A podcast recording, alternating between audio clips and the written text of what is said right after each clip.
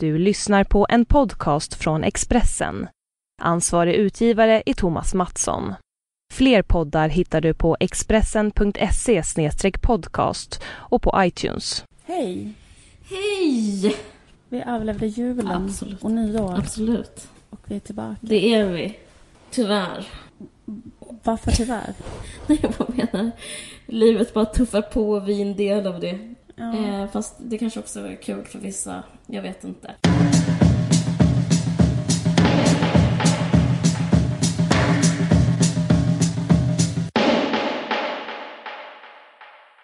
Har du något nyårslöfte? Nej, fast alla, hela min fest, jag hade nyårsmiddag. Ehm, alltså, eh, 2015 var ett riktigt jävla pissår. Så det var väldigt viktigt för mig att ha det bra på nyår. Så hade jag också Ja. bra. Så jag, vi hade en jätterolig fest hemma hos mig. Där allt var perfekt. Men eh, så, så på, jag vet inte om det är ett slags löfte, men det är i alla fall som Immanuel Kant, den här filosofen som vi alla är bekanta med. Han pratar om det kategoriska imperativet, så att det är lite det. Att visa mig själv hur jag vill leva på den där festen. Jag, så kanske det kan smittas av på resten av året om du fattar. Mhm. En drink mellan varje rätt. Ja, ja, att... ehm, Bli alkoholist. Det som, är det som carpe diem? Nej. Okej. Det, det kanske är som KBT, att liksom genom ett beteende visa hur man, vilken moral man vill ha. Okej. Och att då ha det bra. Jag vill liksom ha det bra, om jag, om jag får vara så. Men de flesta hade det här nyårslöftet. Bli vegetarian. Kändisen Jonathan, jo, Jonathan Johansson var här. Han hade den, det nyårslöftet. Vad säger du om det? Det känns som att det är lite retro. Alltså det har kommit tillbaka. Ja, det, verkligen. Alltså jag satte råbiffen i halsen. Vi serverar för övrigt råbiff, alltså rått kött. Gud vad gott. Ja, det var verkligen gott. Det låter underbart. Men jag vet inte om jag ska ta personligen så att alla sa att de skulle bli vegetarian efter den måltiden. Men, ja. men visst, visst är det lite inne att vara vegetarian? Ja, absolut. Jag vill också vara det nu. Jag också. Ehm, det känns lite som att det har varit en sån extrem så här, kött... ehm, Det har varit så här att göra I pulled pork i varje hörn. Vart man än vänder sig så, så puttrar Absolut. lite. Och att det har varit liksom i breda folklager en sån grej att folk liksom äter mer och mer och mer och mer kött. För att man har fått känslan att man blir smal om man äter kött. Ja, dels det. Också att det finns en sån manlighet med kött och att det är coolt med kött. Men jag, kan, jag vet en tidpunkt och en materialiserad eh, form av när det slutade vara coolt. Mhm. Och det var när man såg ner i frysdisken och såg familjen Dafgårds egna pulled pork. Okej. Då är det liksom... Att det kändes att det blev lite för Ja, mainstream. det är jättesvennigt och det är ett halvfabrikat och Dafgård försöker sko sig på det. Då vet man att man inte är, ligger i framkant när man gör sitt långkok. Jag ehm, hörde att det liksom tydligen är väldigt, väldigt eh, nära ett genombrott för så här eh, konstgjort kött. Alltså att odla Mm. kött artificiellt. Att det har blivit så här eh, att det kanske, för innan har det kostat så här eh, en miljon typ att ha sån råbiff av, av konstgjort kött. Men att, att man hittar på något sätt att göra det liksom men tänk vad det skulle bli så här, nu ska jag bara säga som the secret, att man ska säga högt vad man önskar sig. Mm. Tänk om det skulle bli så här, likadant som det blev med, du vet som det blev med typ eh, CD-skivan eller videokassetten. Mm. Att på en dag typ eller någonting så skulle det bara försvinna hela djurindustrin och det skulle vara helt, liksom det skulle inte gå att driva typ ett, ett köttföretag överhuvudtaget Mm. för att alla självklart direkt gick över till det odlade köttet. Mm. Skulle inte det vara coolt? Vad fett. Och grisar bara släpptes ut i spenaten och man inte hade djur på det sättet längre. Grisar gjorde det vad de coolt. egentligen var menade till. Nämligen eh, Alltså var delta i en regeringen. Gullig, eller var med, bra. Jobba som Var med i domare. en gullig eh, barnfilm. Ja, Det är vissa. skådisar. Så kommer så arbetslösa grisar som går till olika auditions. Men det är samhällsproblemet då. Vi har sett samma film, ska jag snacka om det? Ja. Todd Haynes Carol. Mm. Med Rooney Mara och Kate Blanchett. ja. Ja, vad tyckte du om filmen? Eh, jo, jag tyckte att den var bra liksom och, eh, och så. Men jag kanske inte tyckte att den var liksom eh, jätte, jätte, jättebra. Alltså det var liksom inte så här det bästa jag sett i, i eh, Klick. kanske bästa jag sett i år i och för sig. man kan säga att det det handlar om är en eh, lite äldre, eh, kanske liksom dryga 40-årig eh, kvinna som blir ihop eller blir kär i en, eh, en tjej som jobbar på ett eh, varuhus som kanske bara är lite drygt 20 eller något, knappt det. Mm. Och ehm, det utspelar sig på 60-talet va? Eller? 50-talet. 50, 50-talet, ja. När det liksom eh, såklart var eh, mycket mer eh, så här oaccepterat och, och eh, kontroversiellt att vara flata och att det fortfarande var liksom olagligt. Eller och, kanske var eh, tidiga 60-tal. eller sjukdoms- Jag vet inte. Ja. Nej men Ja, precis. det, Ja. Men att det var liksom sjukdomsstämplat så. Det tycker jag var väldigt så här... Eh, eh, vet du vad jag tänkte var min liksom behållning av filmen? Att jag började, vad jag började tänka på var så här att Alltid när man tänker på sådana saker liksom att vara flata till exempel på 60-talet Mm. eller 50-talet eller 70-talet till och med Mm. eller så här 30-40-talet. Så tänker man alltid så här bara Ja men det måste vara så jävla hemskt och liksom att det var så här en sjukdom och gud vad de måste ha känt sig så jävla liksom så här ufiga och stigmatiserade och ensamma och vilket fruktansvärt jävla samhälle att leva i på det sättet. Mm. Men det som jag tänkte på när jag såg den där filmen var att det och liksom en annan sida av det är ju också att det, det liksom, alltså, alltså liksom att det inte bara var hemskt. Liksom att, att så här, många också levde, även om det var så, så här, liksom att, det, att det ändå existerade. Det tyckte jag var fint. Mm. Typ så här att ganska många, speciellt kvinnor, kunde säkert leva så här liksom ganska lyckliga livslånga relationer.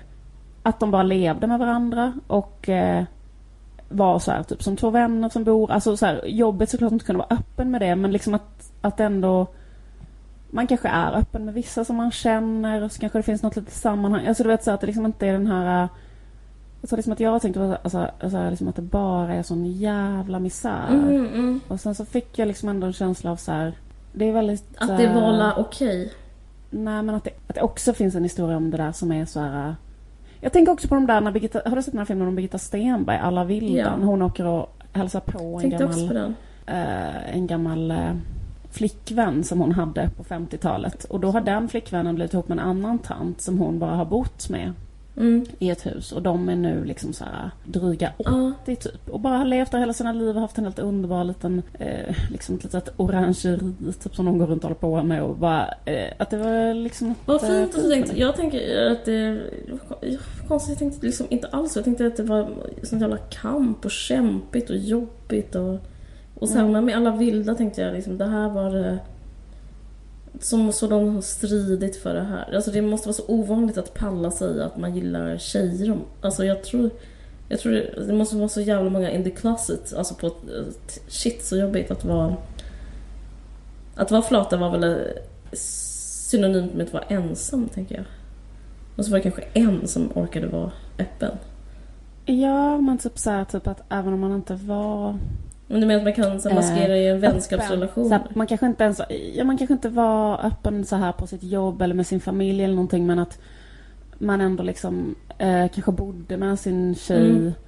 och man kanske hade eh, några andra kompisar som visste det och tyckte det var lugnt. Alltså Mm. så att, det, att det finns liksom så här, fast sen är det klart att det är så jävla smärtsamt och sinnessjukt att behöva liksom så här dela upp sitt liv på det här sättet och det är inte alls att jag menar att min poäng är inte att Slut. att kontentan av den där filmen är inte så här vad gött det verkar det vara. Men lite så hur hon och hennes Carol, hennes, och, och hon har också en lesbisk väninna och att de ändå har väldigt så här härligt. Ska jag berätta en rolig sak om Eh. den karaktären? Hon heter Abby. Känner till det här? Mm. Hon i verkliga livet är lesbisk och ihop med How I Met Your Mothers mamma, alltså Charlie Sheens mamma i... Nej. Jag menar inte How I Met Your Mother utan Two and a Half Men. Två och en halv man. Ja. För hon, så hon har ett eh, kärleksförhållande som är att vara ihop med en sån gammal kvinna och själv är, var mycket yngre. Och de har sånt lyckligt kärleks lesbiskt förhållande. Är det så? Och det handlar ju filmen om. Det är rätt så roligt. Trivia. Mhm. Men eh, såg du den på bio eller såg du den eh, hemma? På bio. Ja, men för jag såg den på bio också och var, jag slogs av det här. Alltså, jag skulle säga snabbt om filmen att jag tyckte den var bra. Jag grät. Jag fick... Eh, Mm. Jag tänkte extremt mycket på min dotter. Jag, för mig handlar filmen jättemycket om eh, relationen mellan mamma och barnet. Det var så, Ja. det var så jävla starkt. Ehm, Det är det enda som var starkt. Jag bryr mig liksom inte... Det är svårt att känna så jättestark sympati åt någons sexlust. Inte, jag förstår vad jag menar. Alltså jag, jag är Ja. all for att liksom kämpa för en eh, hbtq-rörelse och en jämlik och jämställt samhälle. Absolut, mellan alla olika... Allas rättigheter, absolut. Men det. Men att någon är så här, jag vill verkligen ligga med den... Bla, bla, bla, bla, bla, bla, bla. Det liksom gör... Jag, jag blir liksom inte rörd av det. Kanske för att jag har för lite relation. Att du inte liksom kände att du fick feeling för deras eh, relation? Ja, typ att det var så här, men, jaha, de ska ligga med varandra. Ja. Eh, det är helt okej, känner jag inför det. Eh, jättebra, o- OK. Men jag känner liksom... Alltså en sak som jag Ja. tänkte på var att det var inte skildrat särskilt mycket som att så här, alltså man fick ju inte känslan i fi- alltså, Ja. jag, jag håller med ändå att det kändes som att deras relation gick ut jättemycket på så sexuell attraktion. Fast det var inga scener som var så här eh, I och för sig, lite så tycker jag att man kan förstå den där yngre kvinnans begär därför att hon Alltså att man har ett sånt begärsmönster som är så här bara att hon kanske ville ta sig loss från en situation. Att hon blev liksom swept away. Ja, lite av en sån här dröm av en äldre väldigt rik person som kanske lever så som man Mm. Och var lite såhär eh, skulle och vilja leva. Eh, Att typ så här eh, en glam, väldigt äldre glamorös Mm. rik person som lever mycket mer fritt och så än vad man själv gör. Så hon jobbar liksom i en affär och har en väldigt eh, ganska så här kontrollerande pojkvän och har ett ganska så här tråkigt liv framför sig. Mm.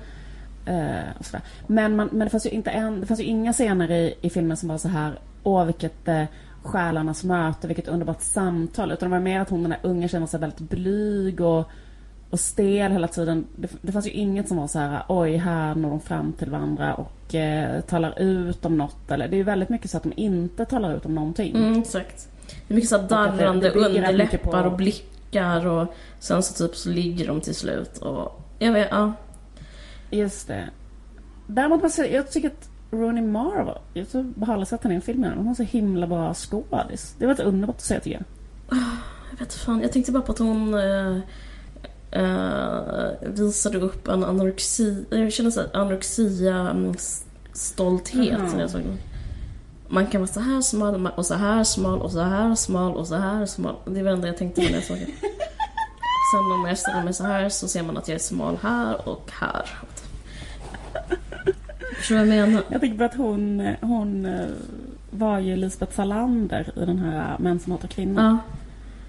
Precis. Och det, det, finns ju, det görs ju en jättestor eh, grej av det i de där jävla böckerna. Så här, hur smal Lisbeth Salander är. Och att det var typ en sån grej att Noomi Rapace vägde så här 50 kilo eller någonting när hon fick den där rollen. Då var det så här, Lisbeth Salander väger faktiskt så här 45 kilo, står det i boken. Så det var så här, Noomi Rapace tvungen att eh, göra en sån eh, liksom jätteansträngning att så här, på sin så här beniga kropp försöka tappa ytterligare.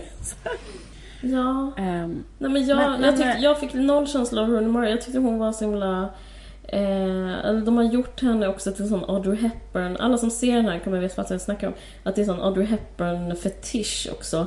Hon har en, en Audrey Hepburn look.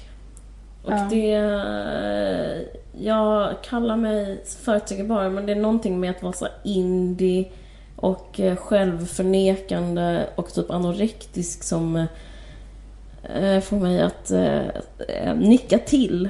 Om du förstår. mm. Men, men Mm. däremot älskar jag, jag skulle säga att filmen var Kate Blanchetts film. Hon är också producent såg jag sen. Så jag kan tänka mig att hon har varit med i klipprummet där i slutet och bara här är jag riktigt bra. Liksom tagit med väldigt många scener där hon eh, briljerar. För det tycker jag gör hela tiden. Hon är exekutiv producent i hela filmen. Jag tyckte det var jättebra. Jag satt och grät. Jag grät nästan hela tiden. Mm, jag grät också där på slutet. Och det var väldigt... Jag, ty- jag tycker det var en scen som... Jag tycker var så himla... För att det handlar om människor som blir förälskade utan ord. Eller vad ska man Mm. säga? Just den här grejen att man kanske bara tittar på någon Mm. och ganska direkt bara får en sån...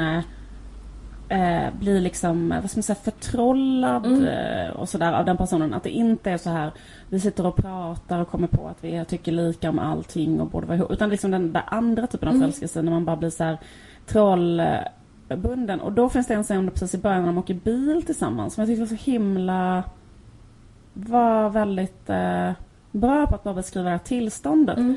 För det är bara liksom att de filmar att hon sitter, den där unga tjejen sitter och tittar på hennes päls, på hennes pälsarm. Och så är det bara som tittar hon på den och så bara åker de bil och så typ glittrar glittrar det på något sätt i den där pälsen eller på hennes arm eller så för att det typ snöar eller har snöat eller någonting. Och så börjar de så här väldigt underligt ljus och så bara sitter de där och åker och sen att det bara är någon sån överjordisk eh, magisk känsla eh, kring eh, den där människan. Liksom. Och, det- och det tycker jag är väldigt eh, så här fångat. Mm. Det är fint. Den här, så här ordlösa, lite så här överjordiska stämningen. Det var fint. En sak eh, som jag läste, det här är inte det jag skulle säga egentligen, jag säger det, men jag läste inför att vi skulle prata om den här filmen så tänkte jag läsa olika recensioner, men jag kom inte så långt. Jag läste bara New York Times recension och den var rätt så intressant för att den handlar om att, eh, Eh, att det är, man är van att se som betraktare eh, när man går och tittar på bio eh, en kärleksberättelse som handlar om ett subjekt och en objekt. Ett subjekt och, och ett objekt. Och det handlar ofta om olycklig kärlek. Typ alla filmer handlar om det. Även typ såna mainstream Hollywoodfilmer Ja. handlar om så här. jag vill ha honom, han- typ, eller som Bridget Jones, hon är kär i den där, Ja. bla bla Ja. bla bla bla. Eh, han är, Eller jag tänker bara så när Ben Stiller är kär i Jennifer Aniston. Ja, all, alla, Ja. alla, alla någonsin liksom. Jag är kär i den, eh, hur ska jag få Ja. honom, jag får inte honom, sen Ja. får jag honom, så slutar filmen. Ja, Ja, så är alla. Men som den här filmen var speciell eh, för att den inte innehåller någon... Eh, ett så är det, är det faktiskt lycklig kärlek som skildras. Och det är väldigt Mm. svårt att skildra det. Särskilt antagligen för att man inte har referenser inom som man kan stötta upp sig på som eh, filmskapare. På, alltså, så här gör man med lycklig kärlek. Utan det är ju liksom egentligen bara yttre hot i deras kärlekshistoria Mm. hela tiden. Det, det, det är bara män som... eh, Alla män i filmen är hot. Alltså den där pojkvännen som bara, vi ska gifta oss snart, eller hur? Eller den där exmannen med alkoholproblem och alla jurister och eh, hela samhället är liksom ens... Liksom de man fightas mot. Man fightas inte mot... Man vill inte övervinna någon annans kärlek för den har man från ruta ett. Det är väl rätt så mm, speciellt att filmen var så tycker jag. Håller med om det. Och då blir det liksom att ingen blir eh, subjekt och objekt. Så det, men istället för att båda blir subjekt så blir liksom båda objekt. Alltså det här står inte i den, utan jag tänkte lite på det. Att det, liksom, att det blir som att hon tittar på henne och känner någonting. Hon tittar på henne och känner någonting. Så bara håller de på att titta på varandra och tittar och tittar. Så bara, eller hur? Det är jättemycket så i filmen. Att de hela tiden säger hon är så snygg. Och så, så nästa, "Uff, hon är så fin. Alltså det är mycket sådana rutor hela tiden. Det är mycket så här, hon ger henne en jättespeciell present. Ja. Så här, en jättefin kamera som hon har tänkt. Och hon ger henne en annan jättefin romantisk present som är så här, en låt hon spelar på piano första gången de träffas. Eller som så här, Precis. Ja. Men det har någon, jag tänker att det är lite, alltså det här är så taskigt av mig för det är en underbar film det handlar om kvinnor och när någon för en gång skulle orka någonting som inte handlar om en man som är typ för olika nyanser så ska man hoppa och trasha på det. Men jag måste ändå säga att det är någonting kvinnoföraktande i det sättet att skildra kvinnor. Att vara så här. Det sättet pälsen faller ner över axlarna. Det sättet hon är så jättesmal så man kan räkna revbenen. Det sättet de röda läpparna. Det sättet den lilla luggen. Alltså förstår du vad jag menar? Det är mycket så att kameran håller hela tiden på och så här knullar med de här kvinnorna på olika sätt hela tiden. Och man bara... Ja, och så sitter man där som... Alltså att det, att det inte går att liksom, liksom undgå den här gazen. Den här, så här manliga blicken som man bara liksom... Ja, som de tänkte antagligen den här gången kör vi utan manlig blick. Men det var istället blir det så två kvinnor som hela tiden håller på så här ögonknullar varandra typ hela tiden. Ja. Eh, fast ändå, fast, fast på ett bra sätt. Alltså jag menar samtidigt så, jag grät och så vidare. Alltså det, det kan de... Det grät för att hon Så ögonknullen var så jävla bra. jävla vackert. Ja, men, ja, men det är faktiskt en väldigt bra ögonknullscen. Den sista, det var absolut sista blicken som de har på honom i filmen. Det, det är faktiskt väldigt starkt. Hur som helst. Nej, men jag tycker på ett sätt att det är det dubbelt det där. För att det är ju också... Att vara så här förälskad i någon har ju liksom en så här sexuell dimension och då liksom, eh, vad heter det, visar man det i sin fulla, liksom, att så här, det är inte bara att jag tycker det är kul att prata med den här personen utan den har också en jättesnygg röv. Alltså, Mm. Och att man liksom har med det. Det kan ju också kännas, för jag tänker om de inte hade haft med den där dimensionen så kanske det också hade känts lite så här konstigt som att det är så här kvinnor har inte sexuella begär. Eller jag Ja, vet inte. det är sant. Det är liksom- det är positivt på ett sätt. För jag tänker om den här filmen skulle gjort i, gjorts i Sverige så skulle den ha eh, helt andra krav på sig. Då skulle det vara typ så två fula personer som skulle... Eh, ja, men så, lite som vi pratar, när vi pratar om lesbisk porr. Att det finns vissa krav som ska vara då att man bara Vadå, jag blev visst kåt på det här. Inom parentes, jag blir inte kåt men jag borde bli kåt. Eh, så att, jag vet inte, det finns ju en kvalitet i det också. Men jag måste säga, det- det enda jag tänkte på var jag såg på bio och att jag var liksom, jag har aldrig känt mig så ung.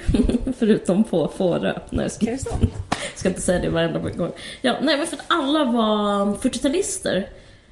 Och alla var typ 60 och 70, alltså alla var så gamla. Det var bara en massa panschisar som satt där.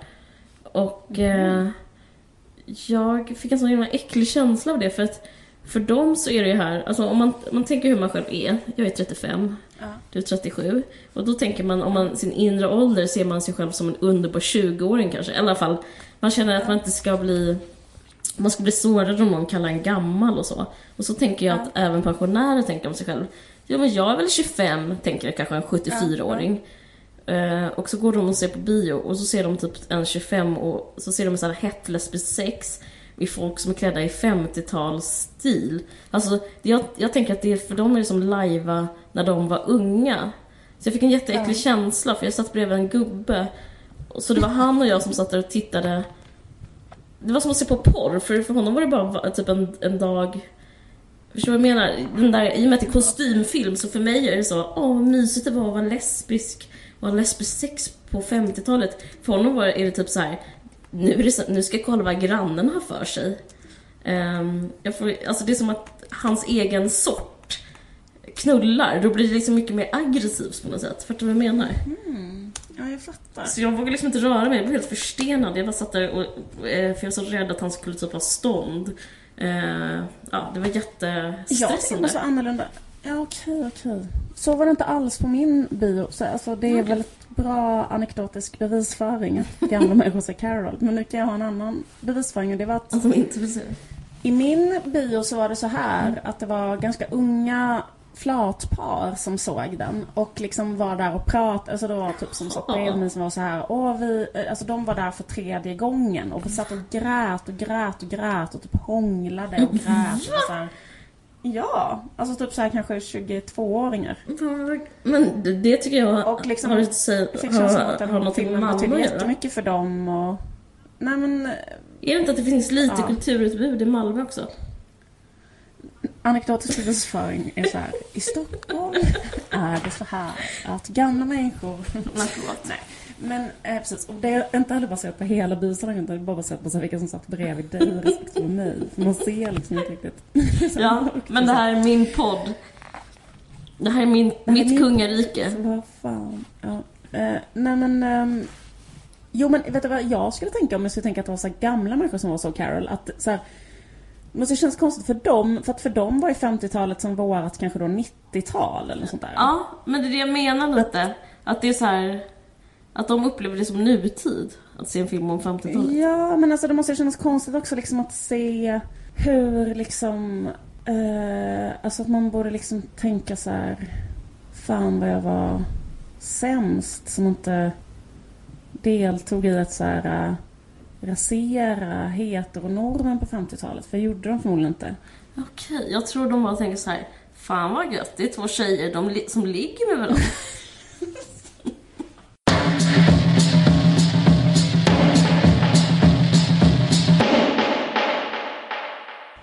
Louise Hallin. Ja, let's talk about Louise Hallin. Yeah. Av en slump så började jag liksom, eh, jag skulle typ åka en jättelång bussresa nu på jullovet och då eh, började jag liksom lyssna på olika poddar och då eh, hittade jag eh, Pampers barnvagnspromenad som är en podd för som handlar om barn och med en expert som heter Louise Hallin.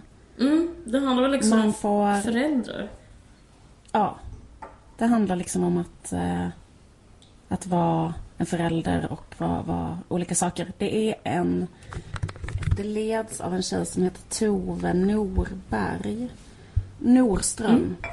Och hon sitter i en studio med eh, den oberoende experten barnmorska och psykoterapeuten Louise Hallin som är ett ganska så känt face som liksom alltid figurerar. Hon är ju rådgivare i TV4 bland annat. Hon brukar alltid vara med i, eller hon har setts ganska mycket. Hon brukar vara med där i Nyhetsmorgon bredvid Tilde de Paula brukar man se henne. Mm. Mm. Jag- tänker på det där med att vara rådgivare Mm. eller expert. Det understryks otroligt mycket hela tiden så att hon är eh, en oberoende expert, att hon baserar sig på vetenskap och så. Mm. Och så tänker jag liksom på just det där att vara en expert för småbarnsföräldrar eller nyblivna föräldrar. Det kan kännas som liksom så här att sno godis från ett barn. Det finns liksom inga som är så jävla liksom dels osäkra, dels otroligt ambitiösa att vilja göra rätt. Alltså det finns liksom ingen grupp i samhället som är så liksom bara vidöppna för att bli rövknullade, förlåt, av en expert. Alltså det är bara så här snälla, instruera mig. Ja, det är i alla fall lätt. Ett lätt jobb kan man säga. För bara man pratar med så här djup röst och säger saker med starkt eftertryck Mm. så är det väldigt lätt att låta som att eh, det man Ja, det säger är väldigt lätt. är objektiv kunskap och helt okontroversiellt och sådär. Och det är ju hela stämningen i podden. Det Verkligen. Man har också blivit så hög på det. Jag lyssnade på några Ja. avsnitt nu och då var det så här, då sa hon det flera gånger om och hon bara Mina åsikter är inte åsikter. Det är lätt att tro utan mina åsikter är, jag är ett språkrör för forskningen och sånt där. jag vet. Man bara, eh, okej heller gud. Alltså, alltså, Ja, jag vet. Eh, Jag har reagerat på det också. Eh, Jag vill, alltså, och också så här, jag vill understryka också att hon är då, det hon är är att hon är barnmorska och psykoterapeut. Jag vill liksom inte vara snobbig på något sätt men det är inte att vara exempelvis psykolog eller läkare. Alltså, Nej. eh, som med all respekt så är det liksom, alltså psykoterapeut är inte ett ehm, det, man gör en steg två-utbildning. E- Exakt, och det är inte så här, det är inte samma vetenskapliga tyngd. Alltså jag vill, ut, ut, alltså så här, jag vill bara säga att om man ska hålla på jättemycket så här, det är inte, så här, det är inte en människa som har så här doktorerat Gud. i eh, neurobiologi, utan det är bara så här, en barnmorska som har gått en steg två-utbildning. Hon kan ju, skulle ändå kunna vara liksom så här en väldigt så här vis, klok människa som har jättemycket att säga och som har egna erfarenheter och liksom hela den här grejen och hon kan ha kunskap om olika saker. Så. Mm. Men det som blir konstigt liksom att den kunskapssynen som hon själv ehm, hela tiden promotar, det är så här att det finns en sanning som finns i vetenskapen och den är jag ett språkrör för. Mm. Och det är inte så, utan det är så att det finns jättemycket olika skolor och man liksom, alltså så, Mm. tycker olika saker och det finns liksom jättestora vetenskapliga debatter som hon eh, istället eh, då reducerar ner till att eh, det inte finns en vetenskaplig debatt utan det finns bara en sanning. Men jag vet inte, jag ska, jag ska bara spela, jag ska bara det är roligt det här hennes syn på sig själv och hur hon presenteras i podden som en totalt okontroversiell, liksom objektiv expert. Men hon kanske i själva verket står för en ganska så här, speciell och, eh, och eh, okonventionell syn på de här frågorna. Sen går jag raskt över till att hälsa vår permanenta gäst och oberoende expert välkommen. Hon som är för oss småbarnsföräldrar vad Sonny var för kär eller ugglan Helge för Hedvig. Legitimerad barnmorska och psykoterapeut Louise Hallin, välkommen hit. Tack så hjärtligt. Jag har den här konstiga idén om att man ska försöka sprida lärorna om barns behov som bygger på vetenskap och beprövad erfarenhet kallas det för. Och det är jättehärligt att folk vill veta lite mer om sina små barn och deras reaktioner och så. Så att jag tycker att svenska föräldrar är jättebra på att vilja anpassa sig till kunskap när de väl får tag på dem. Ja, vi är hemskt tacksamma för det här konstiga kallet du har. Eh, Också illa valt ordval. Det här med att hon är vad Sonny var för Cher. Nej men jag lyssnade på ett avsnitt som handlade om ehm, när det var föräldrar som frågade om så här ehm, om eh, alltså könsidentitet hos barnet. Alltså så typ hur eh, liksom vad som är arv och miljö när det gäller att eh, vara en pojke eller en flicka och så. Mm. Jag ska bara spela för det hon sa. Ja. Pojkar och flickor är jätteolika. Mm. De tänker inte likadant, de har helt olika spel i hjärnan. Kommunikationen mellan hjärnhalvorna är jättelåg hos pojkar, den är jättehög hos flickor. Är det bra eller dåligt? Det är inte intressant, det är olika och fyller olika funktioner. Det som händer med kvinnor är att de bär barn och föder barn och diar barn. Det är det ultimt feminina, men gör ingenting av det. Är det bra eller dåligt? Återigen är det bara olika. Och de här olikheterna är designat för att till varje pris se till att den unge överlever och blir stor. Och där har föräldrarna två helt olika inriktningar på uppgifterna i det. Vilket är tur för den här ungen det. Okay. Så därför så är det liksom någonting att bejaka att barn har väldigt olika strategier i livet. Och får de välja fritt så kommer pojkar att välja bilar. Strategier, teknik, jakt, fight, kamper, vapen, lek med brottning, övervinna, segra, leda och så vidare. Och så vidare. Mm. Och flickor kommer tycka att det är roligt att leka lite grann och brottas mindre och i familj och kuddkrigen och är, är annorlunda för flickorna än för pojkarna. Och för, för förberedelse för moderskapet börjar oerhört tidigt. Mm. Mm. Det, ja, det känns extremt viktigt att säga nu att hon eh, har absolut ingen auktoritet att säga det. Hon är helt dingdong. Är, Jag tycker det är så kul att män, eh, män där små pojkar kommer bli intresserade av det här. Den uppräkningen är så här, jakt, vapen, kamp, att leda. Vad o, jag tyckte faktiskt det var obehagligt, jag tyckte inte det var kul. Nej, För att jag, jag, det jag tänker på, eh, jag kallar mig extremt snobbig, men det jag tänker på är hur, inte hur jag upplever det här, utan hur, hur gemene Ja. man upplever det, hur folket upplever Ja. det här.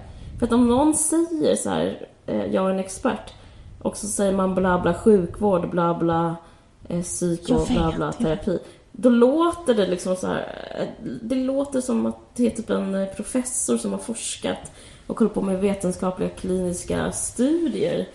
Men det är Nej. inte det. Det är, som, det, det är absolut inte det. och sen, att- Gud, du blir jätteilla berörd. Fy, vad och sen att, för det hade varit mycket bättre om man presenterade henne som så här. Det här är en galen tant. Eller typ, jag menar inte säga galen, men så här, det här är en tant med jättestarka åsikter. Det här är Det en här är en person. person, exakt, som har jobbat med de här sakerna. Och, och, men det som jag tycker är så här underligt med den här po- podden, det är dels är den ju sponsrad av Pampers. Att hon är så pass okontroversiell menar jag. Och sen så liksom varje avsnitt så är det med en kändisgäst. Och det är liksom all, alla, du kan tänka dig en viss kategori kändisar i Stockholm som liksom bara sitter där och ställer en fråga. Då är det så här, vi- vilken, ehm, vilken kändis som helst är med där då. Typ så här Alex Schulman, Amanda Schulman, eh, Carolina Gynning, eh, Messiah Hallberg. Alltså, vi, vi, vi, som helt så här, alltså, hon blir väldigt så här washad i normalitet. Att det är så här, det här är en helt okontroversiell, Precis. liksom, totalt normal, objektiv kunskap som ska ut. Eh, men jag vill, förlåt att du blir så plågad av det här, men jag vill bara spela upp eh, ett, ett klipp som handlar om... Absolut, jag ska bara säga att det är så typiskt medievärlden att göra så här. Det är så typiskt...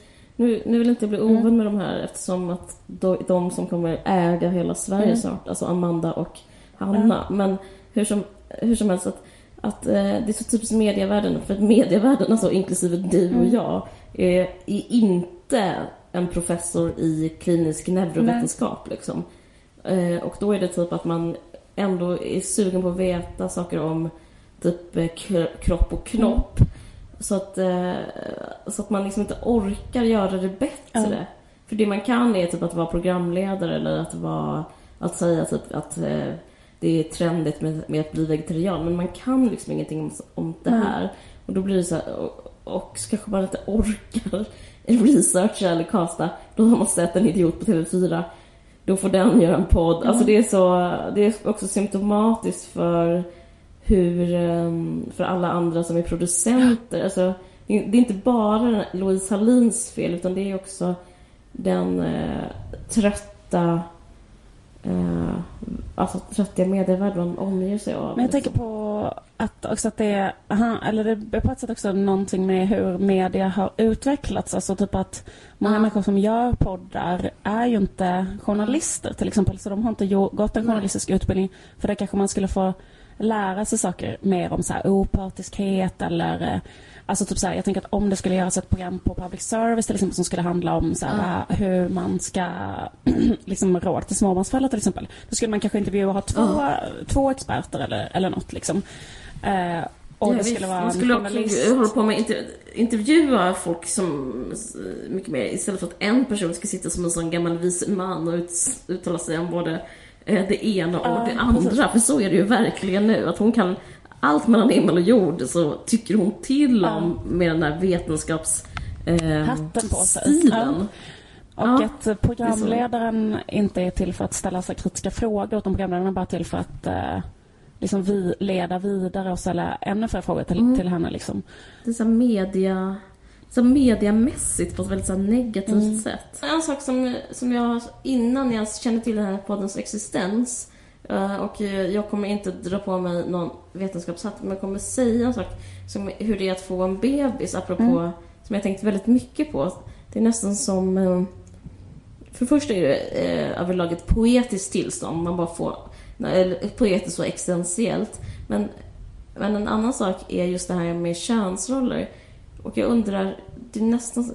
Jag skulle typ vilja att våra lyssnare som har barn mejla in. För jag undrar hur andra har det. Mm. Eller hur du upplevde kanske.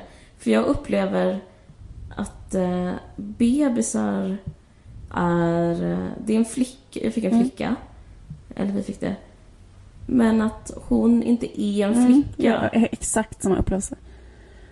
Ja, det, ja för jag tycker, men det trodde inte jag. Jag trodde att det var en lobby som ville...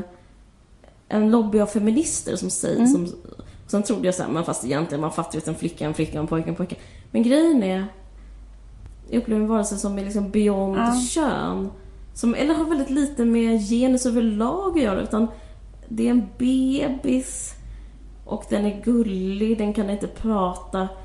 Och sen så har den på sig ibland en sparkdräkt.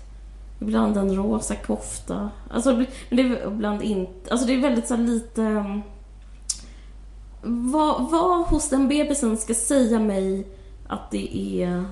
Att den är feminin. Alltså det som hon sa här i programmet. Jag, jag har inte fått några indikationer på femininitet alls. Nej, jag har exakt samma... Jag hade, jag hade en... Det är rätt lustigt att du säger det där för att eh, jag vill inte alls... eh, Det här låter så himla fånigt som att jag ska försöka liksom så här prata om mig själv som en eh, så himla präktig eh, feminist som inte upplevde att mitt barn hade ett Precis. kön. Ja. Men grejen är att när jag fick mitt första barn då som var en pojke, jag är två barn som är pojkar. Och då liksom hade jag en, eh, alltså jag upplevde liksom att det, det att han eh, var en pojke eller att om det hade varit en flicka, Ja. det var inte en eh, parameter i liksom känslan kring honom. Det känns inget. Nej, alltså det var bara så här, gud, det hade liksom kunnat vara eh, eller det är liksom, det är inte alls, alltså en bebis och en, eller, och det är också att man kanske känner av en eh, en slags eh, person kan man känna av väldigt snabbt. Det pratar vi om Ja. att man känner så här, det är den här, eh, det är som en feministisk utopi, man bara, det är en människa, det är en liten, liten människa som har något som kommer med något helt eget, något helt nytt som liksom överrumplar mig. Eh, Allt är öppet och allt får vi Exakt. se. Det är liksom inte liksom någonting som bara, jaha, det blev så här och eh, jakt nästa. Ab- Absolut inte. Men nu Men vad fan hände? Jag, Men- jag, jag mig helt, det känns som jag har blivit vänd, eh, någon har snurrat mig runt, runt, runt. Det känns som att jag blivit nedsläppt på en tellus och förstår ingenting. För att det är som att eh, jag fattar att det var illa ställt med jämställdheten och eh, sexismen och allt det här men, men de har ju, det finns ju inget argument för, eh, för sexismen eller för eh, o, för Det som, ojämlikhet. det som Alltså, jag förstår tycker är jag som, menar? som är biologism, som hon ju är en så här, Ja. kursriddare för. Det är det att jag undrar Ja. väldigt mycket så här, vad man ska göra med eh, då, ska man säga, kunskapen inom situationstecken om biologiska skillnader. Alltså vad ska man göra med informationen? Tänk, Mm. alltså, nu kan vi lyssna på, du upplevde att ditt barn var könlöst. Men nu ska jag spela upp för dig hur det är i, enligt vetenskapen, a.k.a. Louise Hallin. Alldeles nyfödda pojkar och flickor. De har olika känsel i fingertopparna till exempel. De har olika synfält, bredare, smalare. De reagerar olika på ljud. Kraftfulla och rytmiska ljud brukar pojkar bli upphetsade och pigga och glada medan flickorna gråter omedelbart, nästan. Starka färger, kraftfulla former reagerar pojkarna positivt på, flickorna blir ofta tillbakadragna. Alltså det finns en massa sådana här som man kan tycka är fullständigt värdelösa laboratorieexperiment. Men som visar så tydligt att det är stor skillnad. Har du provat att visa kraftfulla former för ditt barn? Ja. Eftersom att eh, hon är en estet så uppskattar hon goda former. Men alltså det har absolut inte... Men gud vad speciellt. Men hon måste ju stoppas. Vad, vad, hur kan man bara säga... Kan vi, för, förlåt mig folkförakt igen. Men jag kan ju verkligen tänka att folk bara säger så här... Bara liksom lapar i sig det här. För att hon har sån, hon har sån röst. Hon har sån, det är så paketerat på sånt sätt som en expert. Det, det, det som man vill understryka, eller det som man vill säga när man hör en person säga den här typen av saker, det är bara så här. Ja, det finns forskning som sysslar med den här typen av frågor och det är de forskarna hon har läst. Sen finns det annan forskning eh, som motsäger det här. Och det är liksom en, en av kanske vår, liksom en, en, en enormt stor vetenskaplig debatt kring det. Var består könsskillnaderna? Hur manifesteras de? Vad är arv? Vad är miljö?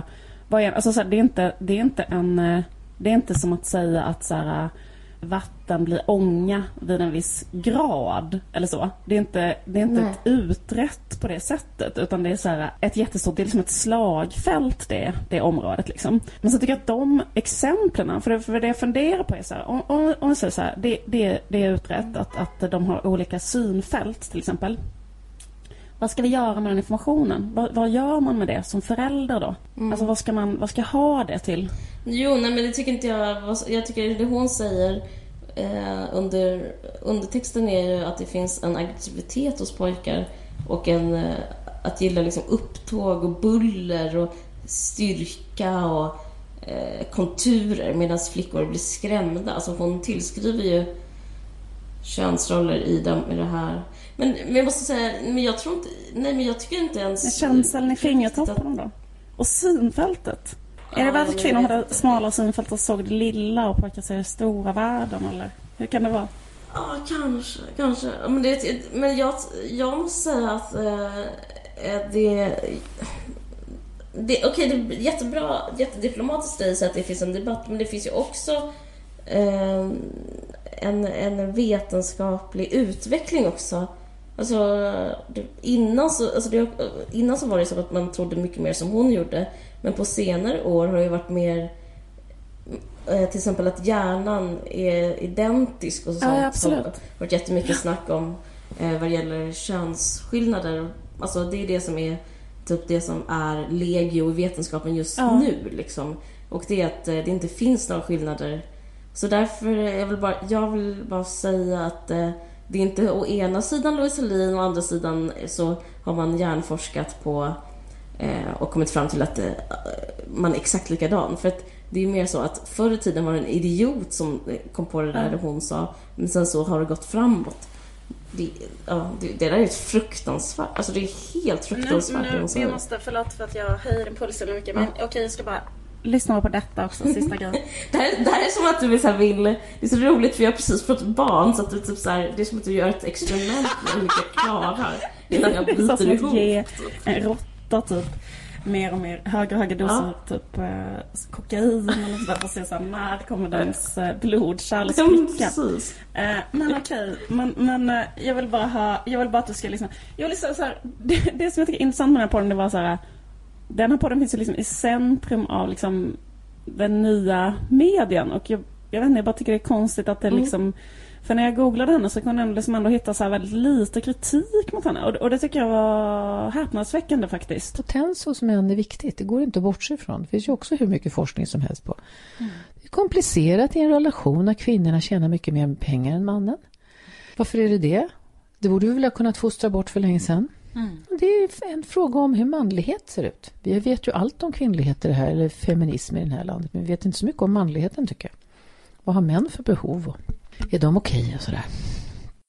Säga, eh, vad sa jag? hörde inte riktigt början. Nej men alltså så här, potens är viktigt för män. Mm. Och eh, det finns hur mycket forskning som helst. Jag kan inte tolka det på något annat sätt än att hon menar så här att män har en biologisk, eh, ett biologiskt, liksom är biologiskt predestinerade till att ha ett behov till exempel som är så att det är svårt för dem att vara i en relation med en kvinna som tjänar mer pengar än dem. Och att det inte går att fostra bort, vilket måste betyda då att det är biologiskt bestämt att det är så. Och, eh, och att det inte går att så här, i ett samhälle till exempel eh, prata om det eller inom en relation lösa det så att det inte ska kännas jobbigt för män. För det kommer alltid kännas jobbigt för en man att vara ihop med en kvinna som tjänar mer pengar. Och vad är mäns behov? Det måste ju vara att vara ihop en kvinna som tjänar mindre än de själva. Och hur är det med män egentligen? Är män okej? Svaret är män är inte okej. För de måste ibland vara ihop med en kvinna som tjänar mer pengar. Och hur ska vi lösa det i samhället? Jag vet inte. Det, det känns ju som svar på den frågan är så att kvinnor måste tjäna mindre pengar än män. För att, ehm, för att män ska vara män okej. sig För att män biologiskt sett ska kunna vara okej. Usch, jag blev verkligen illa berörd av det här. Och så känns det så lätt att gå i den här fällan. Gå in i Rosalind.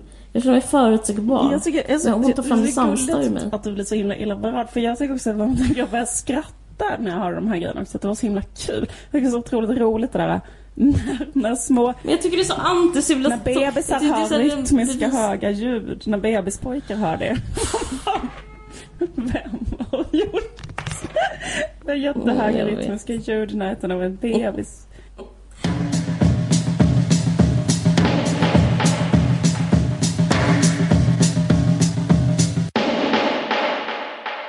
Får jag, bara, får jag bara fråga en snabb fråga? Vad, du vet det här som hände på nyår runt om i världen i Köln och så vidare. Eh, vad är din reaktion på det? Alltså om jag ska vara helt ärlig så, jag håller på att spela in den här, min andra podd och jag kommer liksom att prata om det där och så, här, så att jag skulle typ helst inte vilja göra dubbla... men jag tycker det är så tråkigt att det här bara blir så relationellt hela tiden. Okej. Det är som vi eh, bara pratar om barn och typ mjuka grejer. Ja, jag fattar. jag har tänkt på det. Det är sant. Vi har börjat prata jättemycket om, um, om mjuka ämnen. Ja, jag vet. Jag känner mig lite typecastad. Men vi kan ehm, tänka på det till nästa gång kanske. Jag känner mig liksom lite mammifierad om du förstår Ja. vad jag menar. Som att jag inte är pålitlig att uttala mig om världsläget. Nej. Utan bara kan prata om sånt som har med mina egna erfarenheter som kvinna Ja. att göra. Men jag, jag vet inte, jag vet inte om, för, för min del, om det är en reaktion på att jag kanske har blivit en sån så här kon, alltså att, att, att man säger i oroliga tider så går kvinnor tillbaka till spisen. Men eh, jag har en spaning som är, som såg på Skavlan om, såg du när det var en fransk journalist som var, hade varit i Syrien jättelänge, som blev Det är sant, intervjuad. Nej okej, men det var väldigt intressant för att samtidigt så läste jag eh, Isabelle Ståhl, hon, hon är, skriver, hon doktorerar i idéhistoria och så skriver hon på Svenska Dagbladet, hon skrev innan på Nöjesguiden om litteratur. Men hon, men hon, eh, hon är väldigt en ung härlig tjej som så här, ung akademiker som skriver. Och eh, hon skrev om drogerna inom eh, andra världskriget och drogerna inom Isis, eller Daesh. Läste du den här? Nej. Nej. Men, eh, och så, för hon skrev om att eh, under andra världskriget så att det, det hade inte varit möjligt om inte alla soldaterna hade fått så extremt fri tillgång till eh, chack och amfetamin. Att, att, allt, att allting var som en, i en sån drogdimma hela tiden. Och det tycker jag makes sense, för alla är så här, annars är det så vanligaste frågan hur kunde det hända? Och då, då är typ så här som svaret, också alla brott som begås är ofta så här, men han var full typ. Ja. Lasermannen var full. Lasermannen eh, och eh, eh, vad heter det, det där uppe? Hagamannen. Precis. Hagamannen var full. Och eh, det Tycker var inte en... det kan eh, ursäkta faktiskt. Ja, men det är så sjukt. Men det är ofta, jag säger inte ursäkta. Visste du att Hagamannen var full? Bara, jaha. Jag bara menar att alla är alltid fulla när de gör saker och man bara, ja, just det, för det, folk är helt sjuka i huvudet och, jag, och eh, alla soldater var typ höga. Och så är det också, det är så likheter med Daesh, att, eh, att alla är, har fri tillgång till eh, jättemycket droger. Alltså det är så fruktansvärt mycket droger som, eh, eh, som är i omlopp. Och det är, rätt- det är rätt så intressant. Men sen så var det en annan grej om som den här eh, mannen, franska journalisten sa, som hade varit eh, journalist och på plats i Syrien, att han pratade jättemycket om att han hade liksom bott tillsammans med syr- soldater som och då hade han berättat att, att han upplever alltså ing, att det inte överhuvudtaget handlar om religion. Och det skrev också Isabel Ståhl om att det, det handlar bara typ om att så här, fan vad fett, man får droger. Och han upplevde att det handlar om att folk, eh, unga killar, aldrig kom in i eh, de västerländska samhällena. För det är ju många som sticker från till exempel Frankrike och även nu Sverige lite för att eh, bli soldat. Men att det handlar om mm, den, den klassiska grejen som det handlar om typ på 90-talet. Att alla vill bli programledare och att alla vill bli kända. Alltså det är väldigt många eh, som vill få... Att bli känd, att det är ett, sätt, att det är ett så nytt sätt att bli kändis på. Att bli... Eh, typ att det står med en tidningen om man har gjort Ja, någonting. Jag tycker det är så intressant, för jag har inte tänkt på det innan som en slags kändiskultur. Men det är ju det också, det är som en sån spegelkändiskultur till den vanliga västerländska kändiskulturen. Så finns det så här fruktansvärt, fast mycket mer allvarligare för det är liksom människor som eh, deras huvuden liksom, de alltså, ja, det är fruktansvärt allvarligt men ändå att det finns liksom ett kändisskap och att det är jag bara tycker det är intressant att det handlar om typ den grejen. Eh, att det är ett sätt att bli känd på. För att, och det skulle jag ändå se som en sån misslyckande från typ Sverige till exempel. Alltså det handlar jättemycket om typ, SVT. Att det är ju ingen som erbjuder kändisskap typ om man inte är vit här. Alltså det är ju verkligen en... Det blir ju absolut... kan ha alltså, så är istället för sådana där äh, som som så jättekritiserade att de ska säga hjärntvätta. Att de ska stoppa hjärntvättningar genom, Ja. genom jobb. Kommer du ihåg att eh, det var så kritik mot att de hade sådana program med så här återvändande stridande. Att de skulle direkt ge dem ett Ja. jobb när de kom Ja. hem. Du föreslår att Precis. de direkt skulle få så här se- tv-program. Ja men nästan! Jag bara, jag har tänkt tanken i alla fall. Alltså att, att, det, att det finns liksom Även om det är helt moraliskt förkastligt att eh, alltså det är inte okej. Man kan ju inte vara sur för att man inte blir känd och sen så åka och döda människor.